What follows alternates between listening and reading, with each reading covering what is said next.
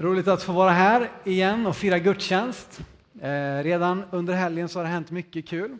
Igår så var det ett 170-tal kvinnor här på en kvinnokonferens och det var väldigt, eh, jag var faktiskt inte, jag är ju inte kvinna, så jag fick bara, eller bara, jag fick vara med och tjäna i köket och det var väldigt, väldigt kul det också. Eh, det är väldigt kul att vi, att vi på olika sätt får vara med och betjäna människor, utrusta människor. Eh, också, också den här gudstjänsten. För ungefär ett par, eh, eller en och en halv vecka sedan så kom jag hem från Afrika och det vet en del utav er om att jag var, varit iväg. Och därför är mitt tema nu idag, välkommen hem. Ehm, och då kan man ju tycka, det var väl lite egoistiskt kanske Simon att liksom hålla en hyllningspredikan här nu till dig själv. Att du ska känna dig riktigt välkommen. Men riktigt så är det inte, men kanske lite grann utav det. Men ni vet, borta bra va, men hemma bäst. Det är ju så. Det finns många härliga eh, ordspråk om hemmet. Hem, ljuva hem. Det finns en, en bra engelsk sång på det temat också. Home is where the heart is. Alltså hemma, det är där hjärtat är. Och sen hittade jag att det stod män bygger hus, kvinnor skapar hem. var det någon som har sagt. Eh, jag vet inte om det, om det ligger någon sanning i det, men eh, min pappa har i alla fall byggt ett hus och jag kan säga att det är mamma som står för hemkänslan när man kommer dit. Eh, även om då det inte hade varit så lätt om inte pappa hade byggt det här huset. Då. Men hur som helst så är det sådär att, att det är något speciellt med att vara hemma. Och eh, oavsett då vart man kommer och om man får resa och he, eh, he, vara med om häftiga saker så är det speciellt med att vara hemma. Och både så i sin hemförsamling eh, men också hemma i sitt eget hem. Och eh, nu kan det vara så också då att eh, för vissa är det här med hemma och det som man kopplar till sitt hem någonting väldigt eh, jobbigt. Man kanske växte upp i en, en jobbig hemsituation, det har jag full respekt för. Men jag tror att, att grundtanken med att vara hemma det är på något sätt vara på en plats där man kan trivas. En plats där det finns, eh, ja där man känner sig som hemma. Så ni, jag behöver inte lägga ut det så mycket mer. Eh, utan det är något speciellt med att vara hemma. Och eh, och när jag ser på min församling då, jag har ju ett hem, eh, jag flyttade hemifrån. Det är också en lite så här filosofisk grej, kan man verkligen flytta hemifrån? Vart flyttar man då någonstans? Vart bor man om man inte bor hemma liksom? Ehm, men det får ni klura lite på. Och man kan säga det också, man kanske har bott något ställe i tio år och sen så säger man, ja men nu ska jag flytta hem. Då ska man liksom tillbaka då på något sätt till rötterna. Ehm, ja, det är lite sådär va, men, men det är något speciellt med hemma. Men också då, även om vi har ett hem där hemma som jag och Carro har fått vara med och, och skapa. Eh, det var, jag flyttade hemifrån till gymnasiet och kom hit eh, till Skövde. När jag var 16 år fick min egen lägenhet och började ta hand om, om mig själv och det var väldigt många här i församlingen då som tog hand om mig också. Bjöd hem mig på mat och, och liksom stack till någon liten hundring ibland och sådär. Så att jag blev ju varmt välkommen hit också. Men då så när jag gifte mig senare då, fyra år senare. Det är, tre, det är fyra år sedan snart som jag och Carro gifte oss. Då. Um, um, så, så skulle hon flytta hem till mig då. Uh, vi hade den här lägenheten först. Så det var lite speciellt då, för i början där så, så var det ju lite så att hon bodde hemma hos mig. Uh, liksom det var min lägenhet, det var jag som har målat väggarna, det var mina prydnader, det var liksom mina möbler och så vidare. Eh, så att eh, faktum var att dagen innan vi skulle gifta oss så åkte jag hem till henne och så tog jag ner lite tavlor och grejer och så snodde lite saker. Hon visste inte om detta och så satte jag upp det, tog ner lite av mina gamla biltavlor och vad det nu var för någonting. Mina liksom, jag, hade, jag, hade, vet, jag hade armeringsjärn i mitt vardagsrum och så hade jag lekablock, grova material vet du. Som man känner, ni ser ju hur grov jag är. Men det var någonting där va, att eh, att det blev sådär att Karo flyttade hem till mig. Liksom. Men det var viktigt för oss eh, senare att det skulle bli vårat hem. Och det var inte, vi hade bara den där lägenheten några, några månader, åkte till Afrika, kom tillbaka och så fick vi vår lägenhet här borta på Majorsgatan. Och där så fick vi börja skapa vårt, vårt hem tillsammans. Nu var det inte längre så att Karo bodde hemma hos mig utan nu så var det vårat, vårat hem, vår lägenhet. Eh, och, och således så var det inte så mycket av mina grejer som, som kom upp heller. Då. Utan, eh, men det är sådär, man får ge och ta. Va? Men det är någonting, det är någonting viktigt när en människa eh, kommer till en plats att man får känna sig som hemma. Och eh, Och det blev faktiskt så. Vi trivs bra nu. Det har tagit lite tid. Och, eh, här är lite grejer från vårt hem. Vår köksduk och eh, ljuslyktor står på köksbordet och ett eh, fruktfat som vi har inne i vårt vardagsrum. Så att välkommen hem nu till, till mig också då, och Karo. Eh, men det är viktigt att man får känna att det här är mitt hem. Och så tror jag också det här med församlingen, att jag ser verkligen den här församlingen som mitt andliga hem. Eh, jag, hade, jag har haft, varit med i flera församlingar, men oavsett om man får fira gudstjänst på olika ställen så är det här mitt hem. Det är här jag känner att här hör jag hemma. Och det är väldigt härligt att få, få uppleva det. Och jag önskar att det är din känsla också för församlingen, du som är en del utav, utav vår församling. Att du upplever att det här är mitt hem. Och jag vet att vi har förmånen att ha människor från alla jordens hörn som kommer kanske och räknar något annat land som hemma. Men jag önskar ändå att det här får vara allas vårt hem. Där vi tillsammans får vara med och vara med och hänga upp våra tavlor på väggen då, för att vara med och skapa det här känslan av att vi inte är på besök när vi går på gudstjänst, utan vi kommer hem. Vi får säga välkommen hem till varandra.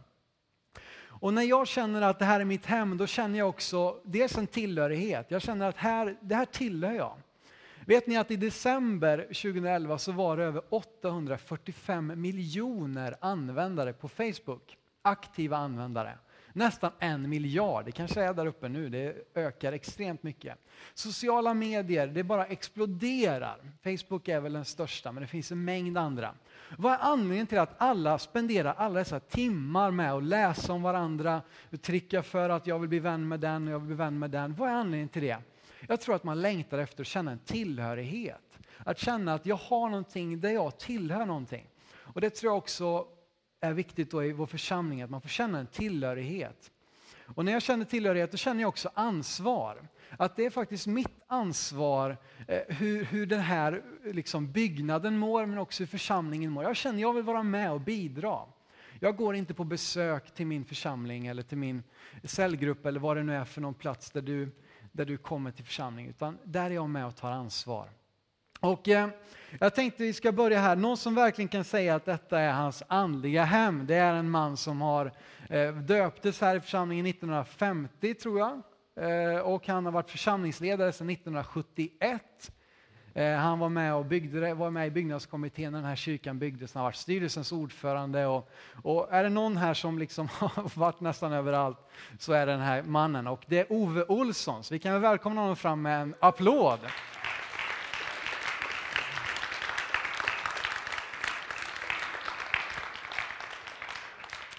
Så nu får jag säga då välkommen hem till mig, så får du komma och slå dig ner här. Får en mick här. Välkommen Ove. Härligt. Det var väl ett fint tal jag höll här? Ja, alltså du låter mig sitta, jag förstår. Ja, jag tycker, jag jag att det, det blir Tack bäst så mycket att jag får komma hem till dig. Tack. Ni som vet att jag är bra på att prata ska veta att den här mannen, han slår mig med hästlängder, så jag sätter igång en klocka här. Eh, en timer. Och så ser ja, vi... Du tar onekligen risker när du bjuder in mig i din predikan. Ja. Det kan ju faktiskt bli så att jag tar över här, så ja. Herren får hjälpa mig så att det inte blir så. Du har nästan redan gjort Men... det. Tagit över här. Du, Simon. Ja. Tänk ja. att jag får vara din storebror. Ja, just det. Det är ju fint. Alltså. Och du är min lillebror, eller? Ja, ja det, så kan vi... I det här hemmet? Absolut, det jag ja, Nu får man ju tänka sig väldigt mycket för vad man säger här, för att jag har ju min hustru med mig här. Hon kan ju avslöja allt som jag säger som inte är sant här, va? Ja. Men vi har ändå varit gifta med varandra över 50 år, så att... Eh, det är imponerande. Vi har lärt oss att acceptera Ove, varandra. innan du eh, försvinner iväg här, så tänkte jag fråga dig, jag kände, det känns lite som Skavlan här. Jag kanske ska ta det på norsk så vi får lite mer sån födelse av den här talkshow. Nej, vi tar det på svenska. Men i alla fall, vad, vad betyder, vad, vad, är, vad har du för känslor för församlingen? Du som har varit med här så länge. Ja, jag har ju massor med känslor och givetvis så är jag ju den där som var med och byggde det här huset. Men det är ju som vi sa att ett hus utan innehåll, det är ju tomt. Mm. Och Eh, skulle man inte acceptera att kyrkan och hemmet och församlingen, det är vi som är här, utan man håller mera på hur byggnaden ser ut, då blir det ju helt fel. Och det är klart att när man har varit med väldigt många år så är det ju väldigt blandade känslor man har, men jag tycker det är fantastiskt roligt att jag får vara med, trots att jag är så gammal då, mm. och se att den här församlingen förnyas så det kommer nya vänner hit. Va? Mm. Ifrån olika. Tänk vad roligt det är att se alla de här ungdomarna. Anna-Sara här och Erik, de här som jag möter på tisdagsmorgnarna här och vi får be ihop och, och, och, och de tillför mig väldigt mycket. Och så inbillar jag mig då ibland att jag kanske tillför dem någonting också. Vilken härlig känsla att vi kan ha och bjuda varandra på olika mm. saker. Ja, verkligen. Och det... sen är det ju så här, du vet. Eller tycker du jag pratar för mycket nu? Nej, fortsätt du. Att när jag jobbar med mig själv då, församlingen och det här, vet du, då, då, då, då får man ju söka sig till bibelordet. Och, och då hamnar jag väldigt ofta i Romarbrevet 12 som handlar om dels hur man ska fira gudstjänst och dels hur man ska vara för att man ska kunna trivas ihop. Och det gäller faktiskt, det står där, vet du, och det kanske gäller för oss som är lite äldre, där att man måste förnyas. Mm.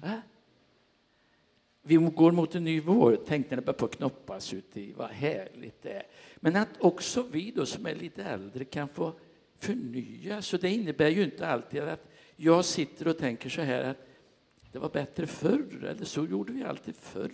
Utan jag måste ju fråga mig, Herre, vad är det som är rätt idag? Mm. Och du sa förut att jag har gjort det mesta här, va? Och, och, och visst har jag gjort det då. Men det betyder inte att jag ska hålla på och göra samma saker hela mitt liv.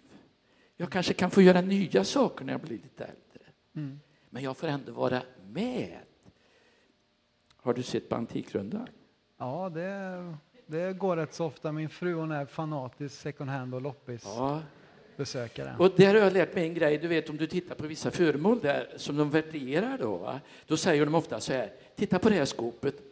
Men det är en nackdel. De har varit på och kladdat och försökt att måla om det. Mm. Det var inte bra. Det hade varit bättre att det hade varit som det var från början. Mm. Lite slitet och så där. Men det hade varit precis som det var när det tillfördes en gång i tiden. Då känner jag så här, tänk att vi äldre får vara precis som vi är. Vi mm. behöver inte göra om oss. En del de får ju för sig att de ska göra ja. sån här ansiktslyftning och vad det är för att man tror inte att man duger längre. Ja. Men visst duger vi väl? Ja, absolut. Ja, och då tänker jag så här att även om jag nu är lite gammal, vet du, jag jobbar ju lite på gengåvan också, vi får in lite sådana här värdefulla skåp ibland. Det är tyngd idag. Det är jobbigt när man ska flytta dem. Men de är värdefulla. Jag skulle vilja vara ett sånt där skåp, du vet, som kommer till användning även när jag är äldre. Som inte bara står som prydnad i ett hörn, utan mm. som kan komma till nytta även trots att man är lite äldre. Mm.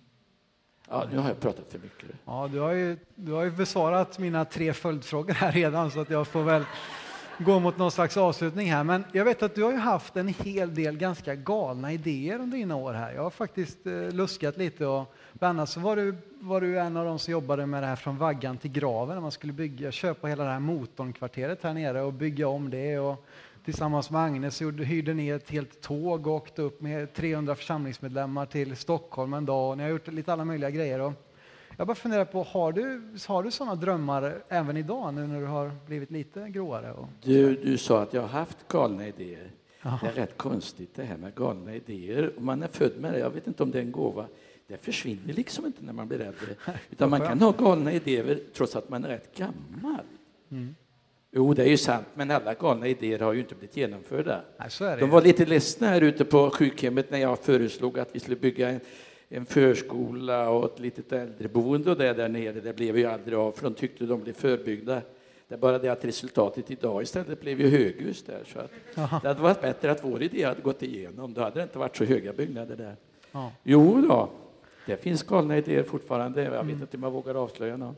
Nej, vi får väl se. Det kanske kommer något framöver här. Nej, jag tycker man, alltså det roliga för att vi ska trivas ihop, äldre och ja. yngre, ja. nysvenskar, gammalsvenskar, alltihop, det är att vi gör roliga grejer ihop. Ja. En rolig grej som vi gjorde ihop, tyckte jag, det var i höstas, kommer ni ihåg det? När vi startade upp här, vi hade ingen föreståndare då, vi hade bara småherdar då, och de kände väldigt ansvar. Och då gjorde vi en grej, vi var bort på Missveden, kommer ni ihåg det? Det var ingen miss, eller? Nej, Gjorde roliga grejer ihop och vi lärde att uppskatta varandra För jag tror att det är väldigt nödvändigt för att vi ska trivas ihop. Vi tycker lite olika, vi tänker lite olika. Så måste vi göra grejer ihop. Varför inte göra som vi gjorde förr i världen? På valborgsmässoafton, då brukar vi göra ett bilrally. Mm. Hemligt mål och så möttes vi någonstans. Mm. Det går att göra fortfarande. Kan man köpa bil på Peugeot? Så? Ja, det är inte nödvändigt. Det duger med andra bilar också, men det är klart det är ingen nackdel ja. om man har en person. Du vet på Skavlan då är det så här att när det är som mest intressant då bjuder han in nästa gäst för att då är det, har tiden gått ut. Ja. Och nu var det faktiskt intressant här, men nu har tiden gått här så att jag vill tacka dig så mycket Ove. Det var en förmån att få ha dig här i min lilla, ja, mitt enkla hem. Tack så mycket. Ja, det är spännande att höra om eh, lite olika tankar om vad den här församlingen betyder för oss. Jag tror att vi är många som känner att, att det betyder någonting med församlingen. Det är något som ligger oss varmt om hjärtat. Eh, och jag har tänkt på det här att, att vi då får vara med och skapa ett hem här. Vi skapar inte en förening, vi har inte bara en fin liksom, konferensbyggnad, eh, vi har inte eh, massa andra saker. Vi är med och skapar ett hem. Och då kan man fundera på, det finns ju en rad olika, eh, olika typer av hem. Man kan bygga ungdomsgård, man kan eh, liksom, eh, ha ett dagis eller äldreboende. Men jag tror inte att vi ska som församling bygga, liksom, nu ska vi göra församlingen till en ungdomsgård. Eller nu ska vi göra församlingen till ett äldreboende. Utan jag tror att vi får vara med och skapa ett generationsboende. Har ni hört talas om det? Det var något som var kanske lite mer eh, hippt eh, förr i världen. Då var det liksom så här att då bodde man ju med olika generationer och när man blir gammal då flyttar man in hos sina barn som man tidigare har tagit hand om och de i sin tur har sina barn som växer upp och så lever man tillsammans över generationer. Jag tror att vi som församling ska få vara med och bygga ett generationsboende. Och faktum är att, eh, att eh, jag hittade en ganska intressant eh, artikel på Aftonbladet från 2010. Det står en del bra där också. Att, eh, där står det så här, de har gjort en undersökning, var tredje svensk var positiv till att bo med äldre eller yngre generationer. Och I USA så har det varit en väldigt växande trend. Det här med generationsboende har eh, från 2000 till 2007 ökat med 67 procent. Så detta är någonting som vi kanske tycker är gammalmodigt, någonting som hörde till det gamla Sverige, att man ska liksom Eh, Eh, men nu blir det aktuellt igen. Nu, va? Hur ska vi kunna försörja alla våra gamlingar som, som, som ska leva 30 år efter att de har blivit pensionärer? Eh, men där tror jag att vi behöver få komma tillbaka till att vi är med och tar hand om varandra över generationer. Och det stod så här, en intressant grej, en psykolog där som sa någonting i den här artikeln. Hon säger så här att Förr hade vi ett patriarkat där äldst visste bäst. Men idag finns det tvärtom en ömsesidig beundran inför den kunskap som finns i en annan generation. Boendeformen bidrar till en kunskapsöverföring mellan äldre och yngre som är positiv. Det var väl en härlig beskrivning av ett generationsboende, av de positiva sidorna. Och där tror jag att det är vägen fram för vår församling. Det är inte där var och en ser till vad är liksom bäst för mig, utan där vi möts över generationer. Hon radade upp en, en rad olika plusgrejer med det här med generationsboende. Man tar hand om varandra, skapar ett tryggt nätverk. Man sparar pengar och tid genom att dela på kostnader och det praktiska. Äldre och yngre utvecklar, utväxlar kunskap och förståelse. Man får större respekt för de som tillhör en annan generation än en själv. Och man övar sig på att sätta tydliga gränser, vara lyhörd och lösa konflikter. Det var väl eh, rätt så bra grejer. Jag tror att mycket av detta går att överföra till församlingen, där vi får mötas över generationer. Eh, och jag vet att, eh, att Sven sa det inför detta när vi frågade honom och samtalade med honom, så att vi har en skrivelse att vi vill liksom ha ett särskilt fokus på barn och ungdomar. Liksom. Och då reagerade han direkt och sa att jag vill inte bygga en församling bara för ungdomar, utan jag vill bygga en församling för hela liksom, spektrat, från vaggan till graven. Och den känslan, den hemkänslan, den atmosfären får du och jag vara med och skapa. Därför att den känslan som finns i ett hem, det beror på vilka som bor där. Och är du en del av den här församlingen så är du viktig för att vara med och skapa den här känslan. Jag tror så här, det var någon som sa att ett gästfritt hem är sällan gästfritt. Det är ganska bra eh, så här, ja, statement som ni kan ha med er härifrån. Ett gästfritt hem är sällan gästfritt. Och jag tror att vi, om vi vill vara gästfria i den här församlingen så ska vi väldigt sällan vara gästfria. Förhoppningsvis aldrig utan att vi tar emot människor och välkomnar dem in i vår gemenskap. Och jag är väldigt glad om du finns här, kanske som här första gången i vår gemenskap. Hoppas att du ska känna dig extra, extra eh, välkommen också som hemma. Och där får vi vara med och skapa den här känslan. En av de starkaste beskrivningarna, berättelserna om just detta eh, med, eh, med att få komma hem och att få, eh, ja, det, det, hittar vi i, i det välkända kapitlet i Lukas 15. Och därifrån så ska vi läsa dagens bibeltext då. Utgå ifrån det och tala lite grann om hur eh, viktigt det är för oss att ta emot människor och också hur vi är viktiga som är på plats för att ta emot dem. Och eh, i Lukas 15 så är det ett av få kapitel där Jesus eh, direkt efter varandra har tre stycken liknelser med i stort sett exakt samma innebörd. Att finna det som är förlorat. Han börjar med att tala om liknelsen om det återfunna fåret. Att eh, herden har förlorat ett får men hittar det tillbaka igen och det blir glädje och fest. Sen går han in på, på en kvinna som har tappat bort ett, ett silvermynt. Hon har nio kvar men har tappat bort sitt tionde och letar över hela huset och finner eh, myntet igen och det blir stor glädje och fest. Och, eh, och sen så börjar han då med den här kanske en av de mest välciterade berättelserna från Bibeln om den förlorade sonen. Eller den hemvändande sonen eller vad man nu väljer att, kalla det för någonting. Men det är ganska intressant att se vart Jesus tar sin början. Vad är anledningen till att han går in i de här liknelserna? Kan vi läsa bara vers 1 och 2? Och har du en bibel eller på din, i, i bokform eller i mobilform eller någonting så kan du bara ha kvar Lukas 15 hela den här predikan för det är där vi kommer att vara. Och det börjar så här i Lukas 15, vers 1 och 2. Alla publikaner och syndare höll sig nära intill Jesus för att höra honom. Men fariseerna och de skriftlärda kritiserade honom ständigt och sa den mannen tar emot syndare och är tillsammans, tillsammans med dem. Vers 3, då berättar han denna liknelse för dem. Var är det det börjar någonstans? Jo, det börjar med att Jesus umgås med, med liksom samhällets avskum, med de som ingen annan vill ha att göra med och definitivt inte de då troende, de, de, de rätt trogna fariseerna. De höll sig borta ifrån dessa syndare, de här liksom organiserade brottsligheten, eh, liksom, eh, kanske prostituerade och andra människor som, som liksom man gärna vill hålla borta. Men Jesus han umgicks med dem. Och därför kom den här irritationen ifrån fariseerna som säger, vad håller han på med? Han blir ju oren när han umgås med de här. Han blir befläckad, besmittad med världen. Um, som, som, en del av er äldre säkert känner igen lite av den terminologin. Men i alla fall så är det där ur som Jesus tar sin början i den här, de här liknelserna. Och han lyfter fram vikten av att finna det som har gått förlorat. Och han säger också i Johannes 3, vers 17, att jag har, inte kommit, jag har kommit för att söka det som är förlorat. Han har kommit hit för att söka upp de människor som ännu inte känner honom eller som har kommit på avvägar i livet. Och i varenda vers, i vers 7, i vers 10, i vers 32, i slutet av dessa liknelser så blir det fest när det, när det som varit förlorat blir återfunnet. Det blir fest, det blir glädje ehm, för de människorna.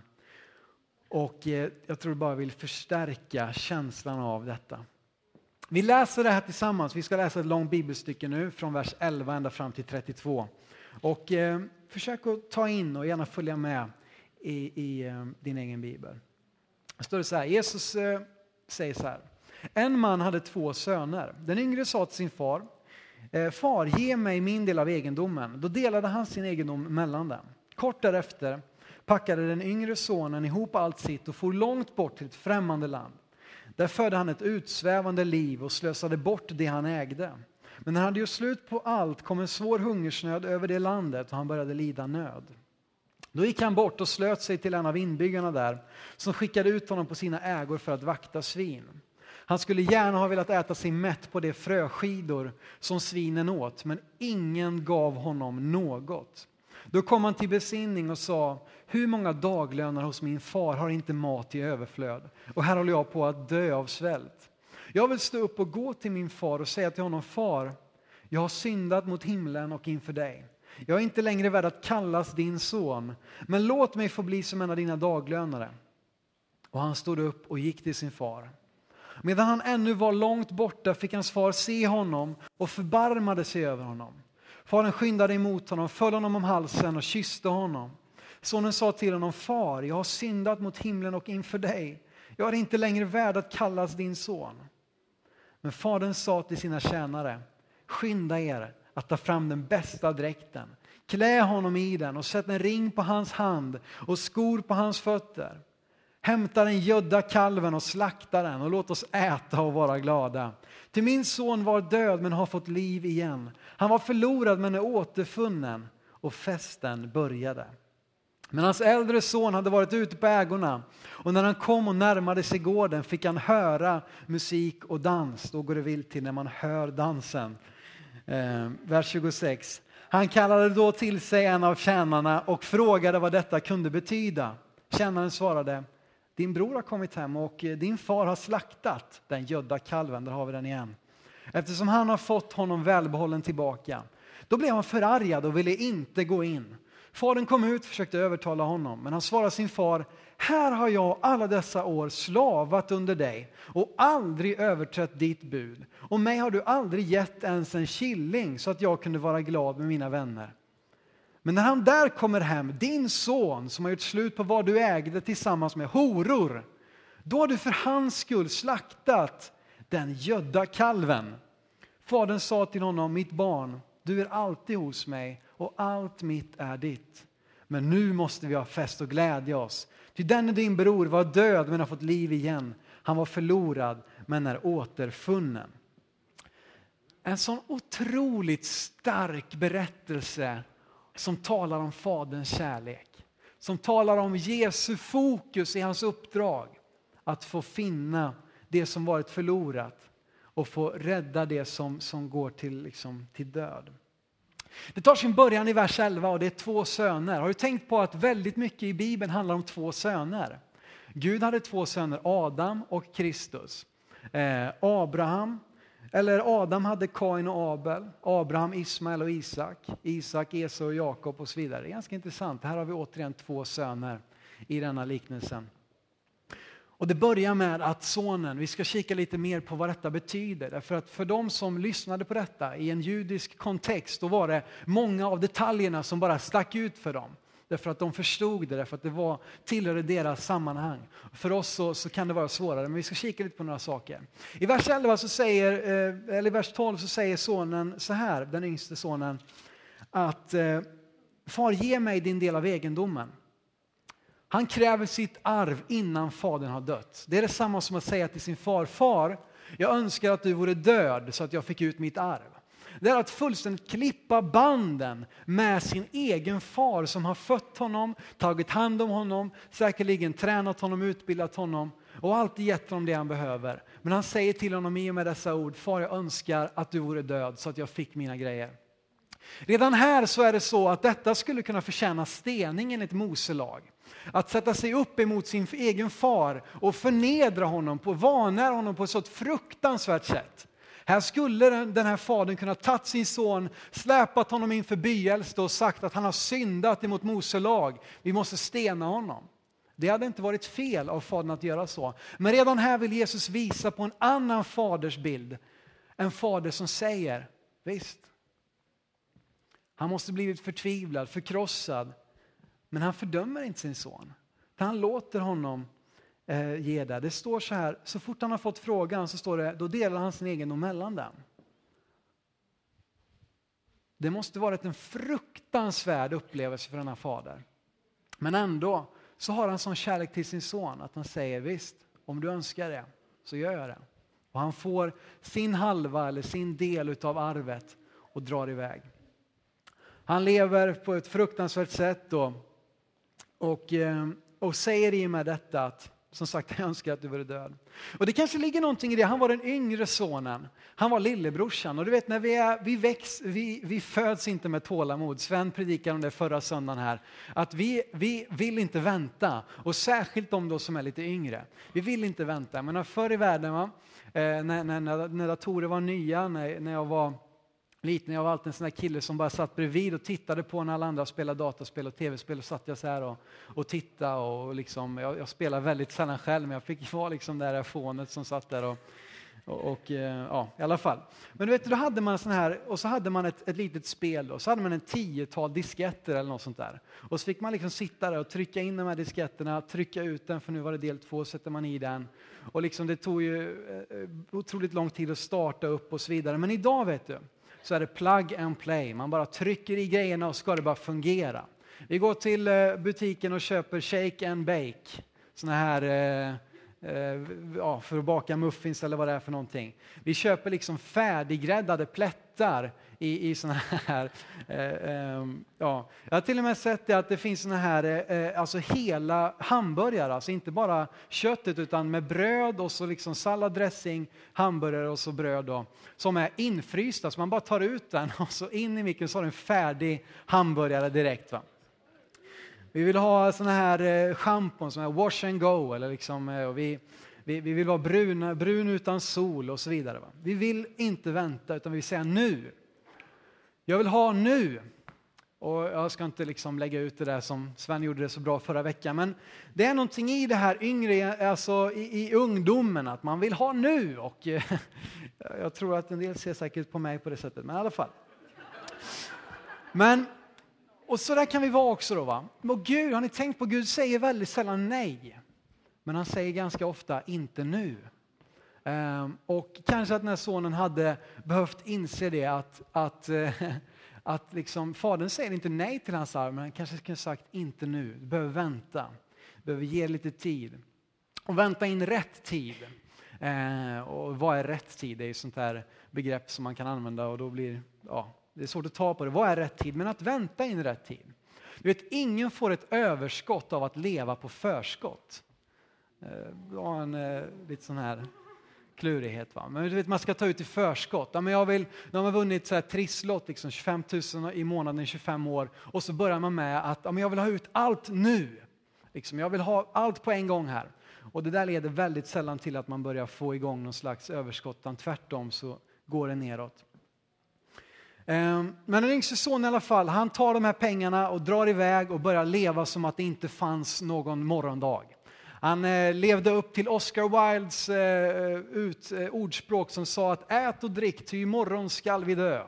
Så att bara festa och gör det som känns rätt just nu. Och drick som att det inte var någon morgondag och handla som att det inte fanns någon, liksom någon, någon spärr på kreditkortet. Och liksom, eh, ha sex med vilka du vill och bara gör allt det som du känner för. Därför att eh, liksom, eh, nu är nu och allt annat det är liksom långt borta. Och ganska snabbt så kommer han, vart då, inte till toppen utan till botten. Och han finner sig själv på botten utav allting. Allting är slut. Vännerna som fanns som bara kryllade runt honom när han spred ut sina pengar, de är som borta. Och han finner sig helt ensam. Och i vers eh, 15-16 så, så, så hittar vi honom där då att han, um, ska vi se, vart är vi?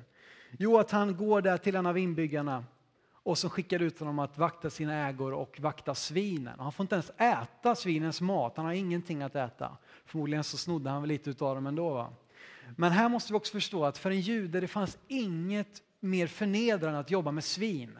Svin är ju orena djur eh, för, för judarna. Så att komma liksom och få jobba på en svinfarm, det var inte som idag, alltså jobba på Scans, det är helt okej, okay. man får rätt så bra lön och så vidare. Utan här var det botten av botten för en jude. Till och med ett rabbinskt eh, ordspråk säger att förbannad må den man vara som utövar svinavel.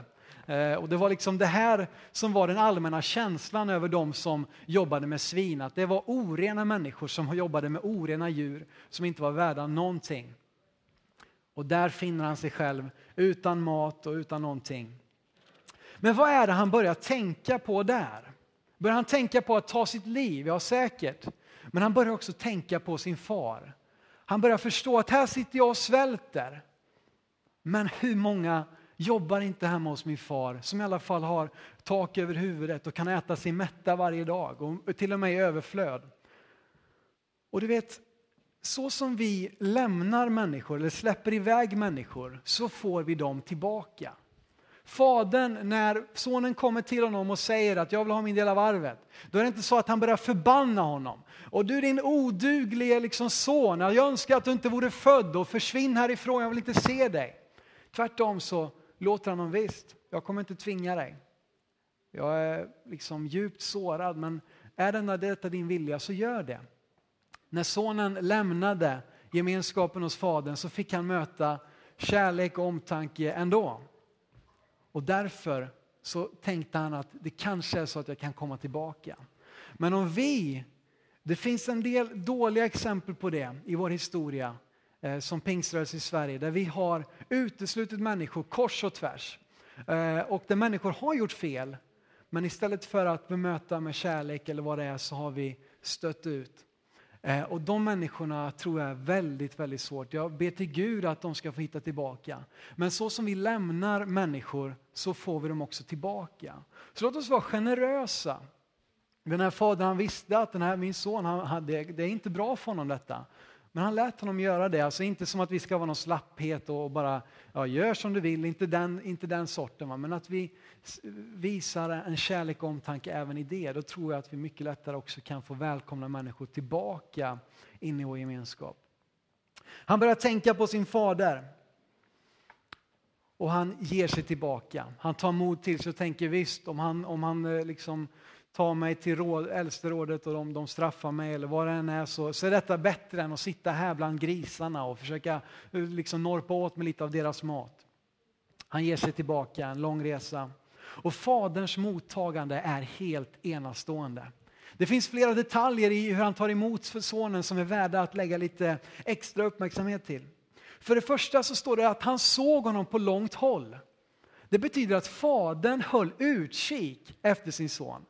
Kanske att han varje dag gick ut en sväng, gick en promenad och stod och spanade längs med vägen eller stod och spanade ut över ägorna eller vad han gjorde för någonting. Men fadern var på ut, höll utkik efter sin son. Helt otroligt. Han, var, han sökte det som var förlorat. Och sedan då också att han inte bara håller utkik utan när han ser honom så är det inte att han står där och väntar på att han ska komma till honom. Utan tvärtom så står det att han springer, han skyndar, står det i svenska översättningen. I engelska står det att han sprang mot honom. Och för en man i den här, alltså han var ju fader i sitt hus, han var säkert en gammal man, eh, en, en, liksom en, han var en rik man. Och för en rik man att, att förnedra sig med att springa, det var en stor grej. Eh, och förmodligen har han inte sprungit på länge och förmodligen så var det många som tittade, men nu gör han ju bort sig. Han fick förmodligen lyfta upp sitt, eh, sin eh, vad heter det, sån här långa klädnad för att kunna springa fritt och, och på det sättet så att säga förnedra sig själv. Men han gjorde det därför att kärleken till sin son, det gjorde att han inte kunde vänta en sekund på att få mot, ta emot honom. Det är precis samma passion som Petrus har när han ser Jesus på stranden och han hoppar hoppar ut ur båten för att om möjligt hinna några sekunder före de andra lärjungarna som, som ror in eller seglar in eller vad de gör för någonting. Men fadern han springer mot honom. En sådan kärlek är enastående.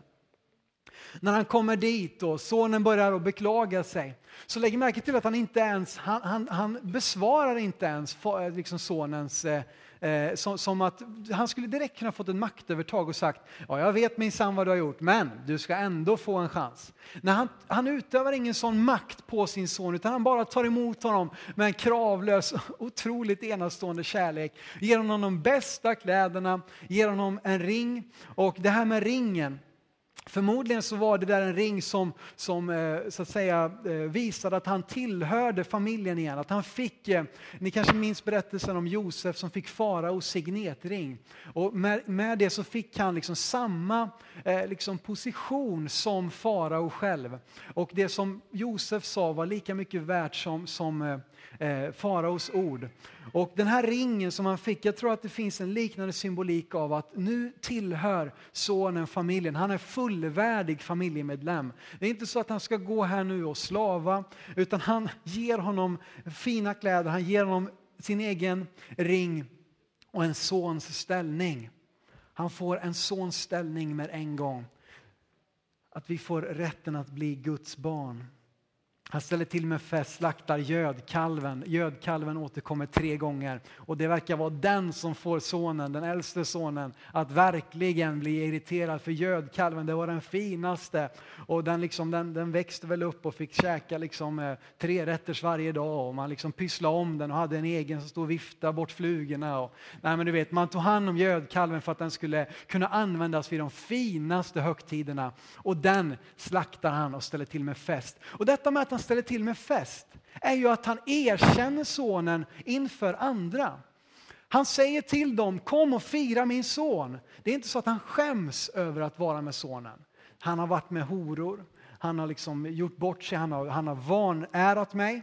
När han ställer till med fest som hela byn kände till, man hörde dansen till och med. Va? Han erkänner dem, han säger inför folket, detta är min son, fira honom tillsammans med mig. Och så är det också när du och jag kommer till Jesus, att han erkänner oss. Han ger oss en sån ställning. Helt fantastiskt. Sen kommer vi då till den äldre brodern som inte hade riktigt samma, samma medkänsla kan man säga.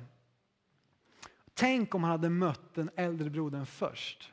Tänk om det hade varit han som såg den yngre sonen komma på fältet. Hur hade den här berättelsen slutat då?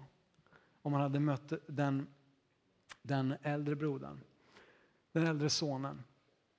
Det kan vi bara spekulera i såklart. Men vi kan bli hinder för människor att möta Gud. Om vi möter dem med den attityden som den äldste sonen hade så kan vi bli hinder som står i vägen för människor som söker sig till Gud. Och där behöver vi vaka över oss själva. Att det inte blir så. Här kommer vi genast in på Jesu direkta liksom, eh, koppling till fariseerna igen. Där han visar på deras beteende. Hur, hur liksom urbota själviska de är. Och det finns tre huvudsakliga problem tror jag som man kan se hos den här äldste brodern. Kanske man inte får säga så här i en i alla fall den äldre sonen, han hade några problem.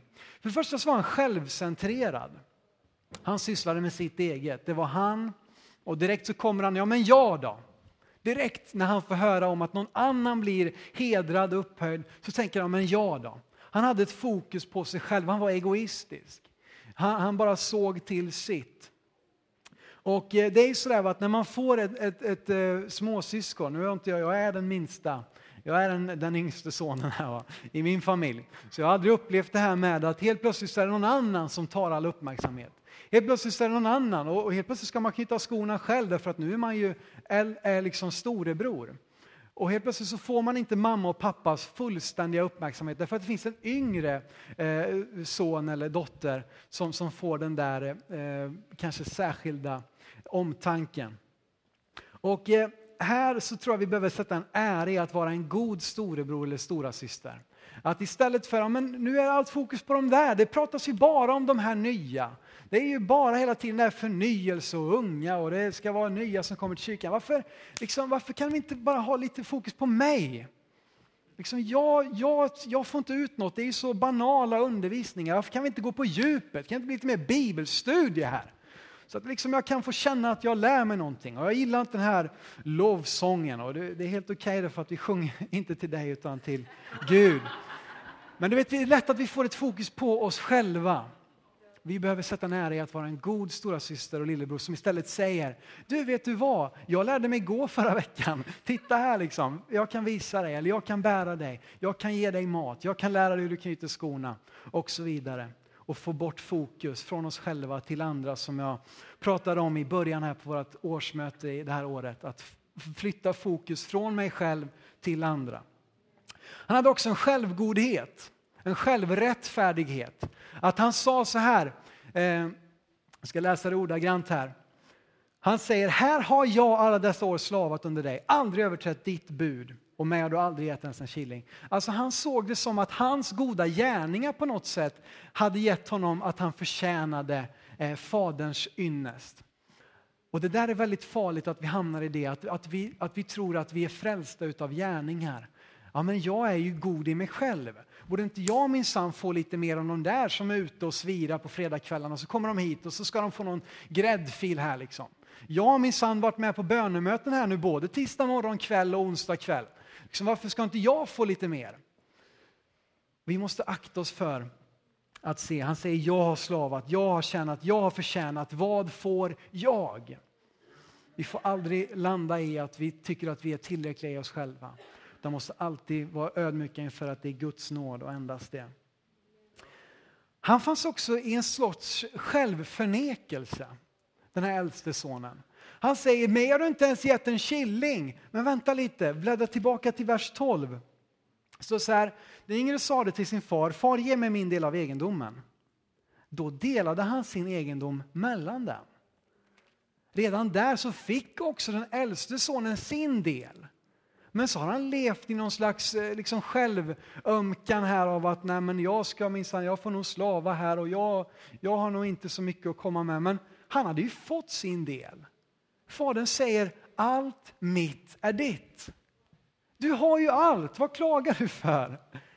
Du har, jag har ju givit dig allt. Och ibland kan vi vara sådana där också. Att vi, vi, vi väntar på att Gud ska sända någonting bättre. Men jag kan tala om för dig att han har sänt det bästa han har. Han har sänt Jesus själv. Det kommer aldrig komma någonting bättre. Och det där har du fått del utav. Den dagen du säger ditt ja till Jesus så är det som i Apostlagärningarna 26 och 18 att de vänder från mörker till ljus, från Satans makt till Gud så att vi får en arvslott. Vi får syndarnas låtelse och en arvslott bland de som är helgade. Det sker den stunden som du tar emot Jesus som din Herre och Frälsare.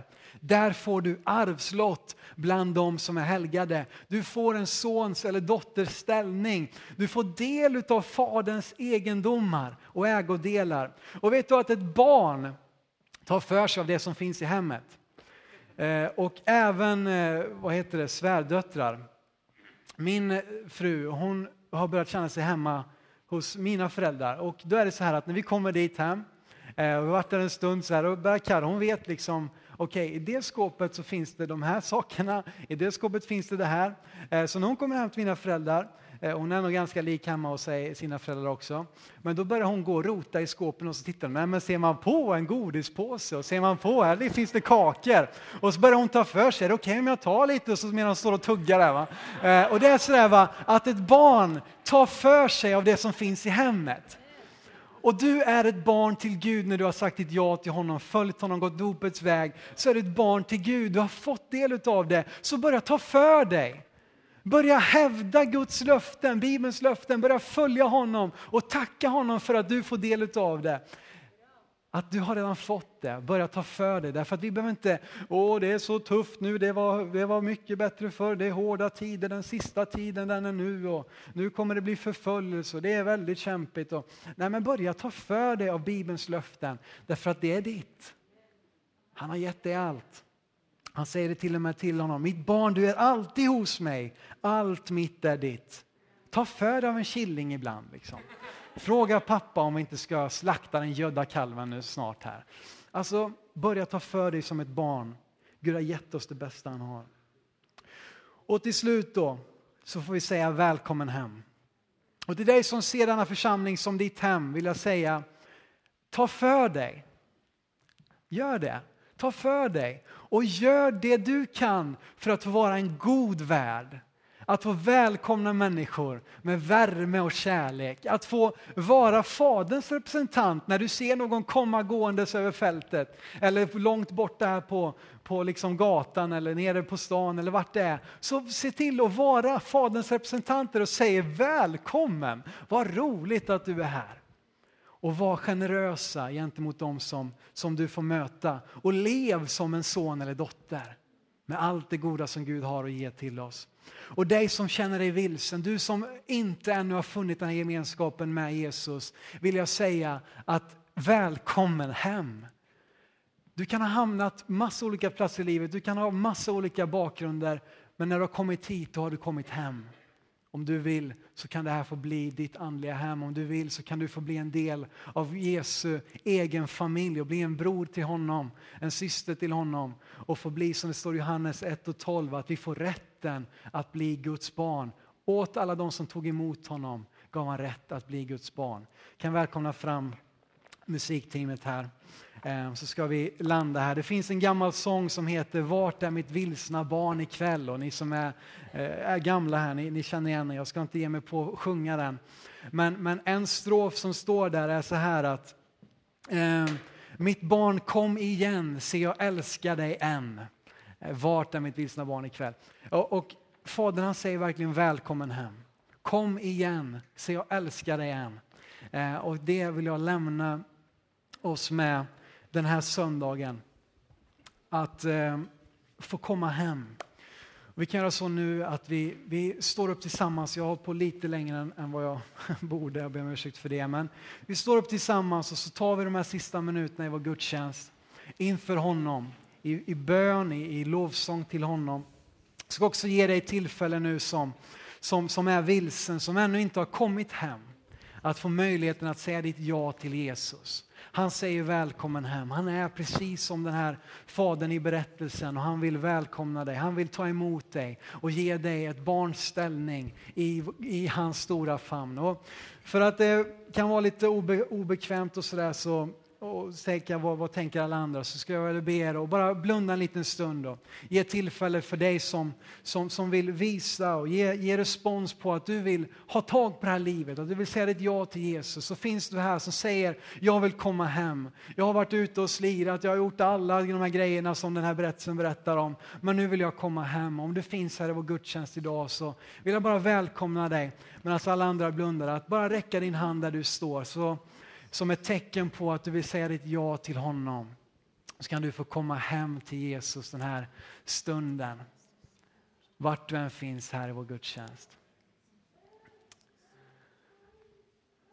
Tack Jesus. Vi vill alltid ge tillfälle för människor att säga sitt ja till Jesus. Vi vill alltid vara öppet. Det är alltid öppet för människor att ta emot Jesus. Idag är frälsningens dag. Halleluja Jesus. Vi tackar dig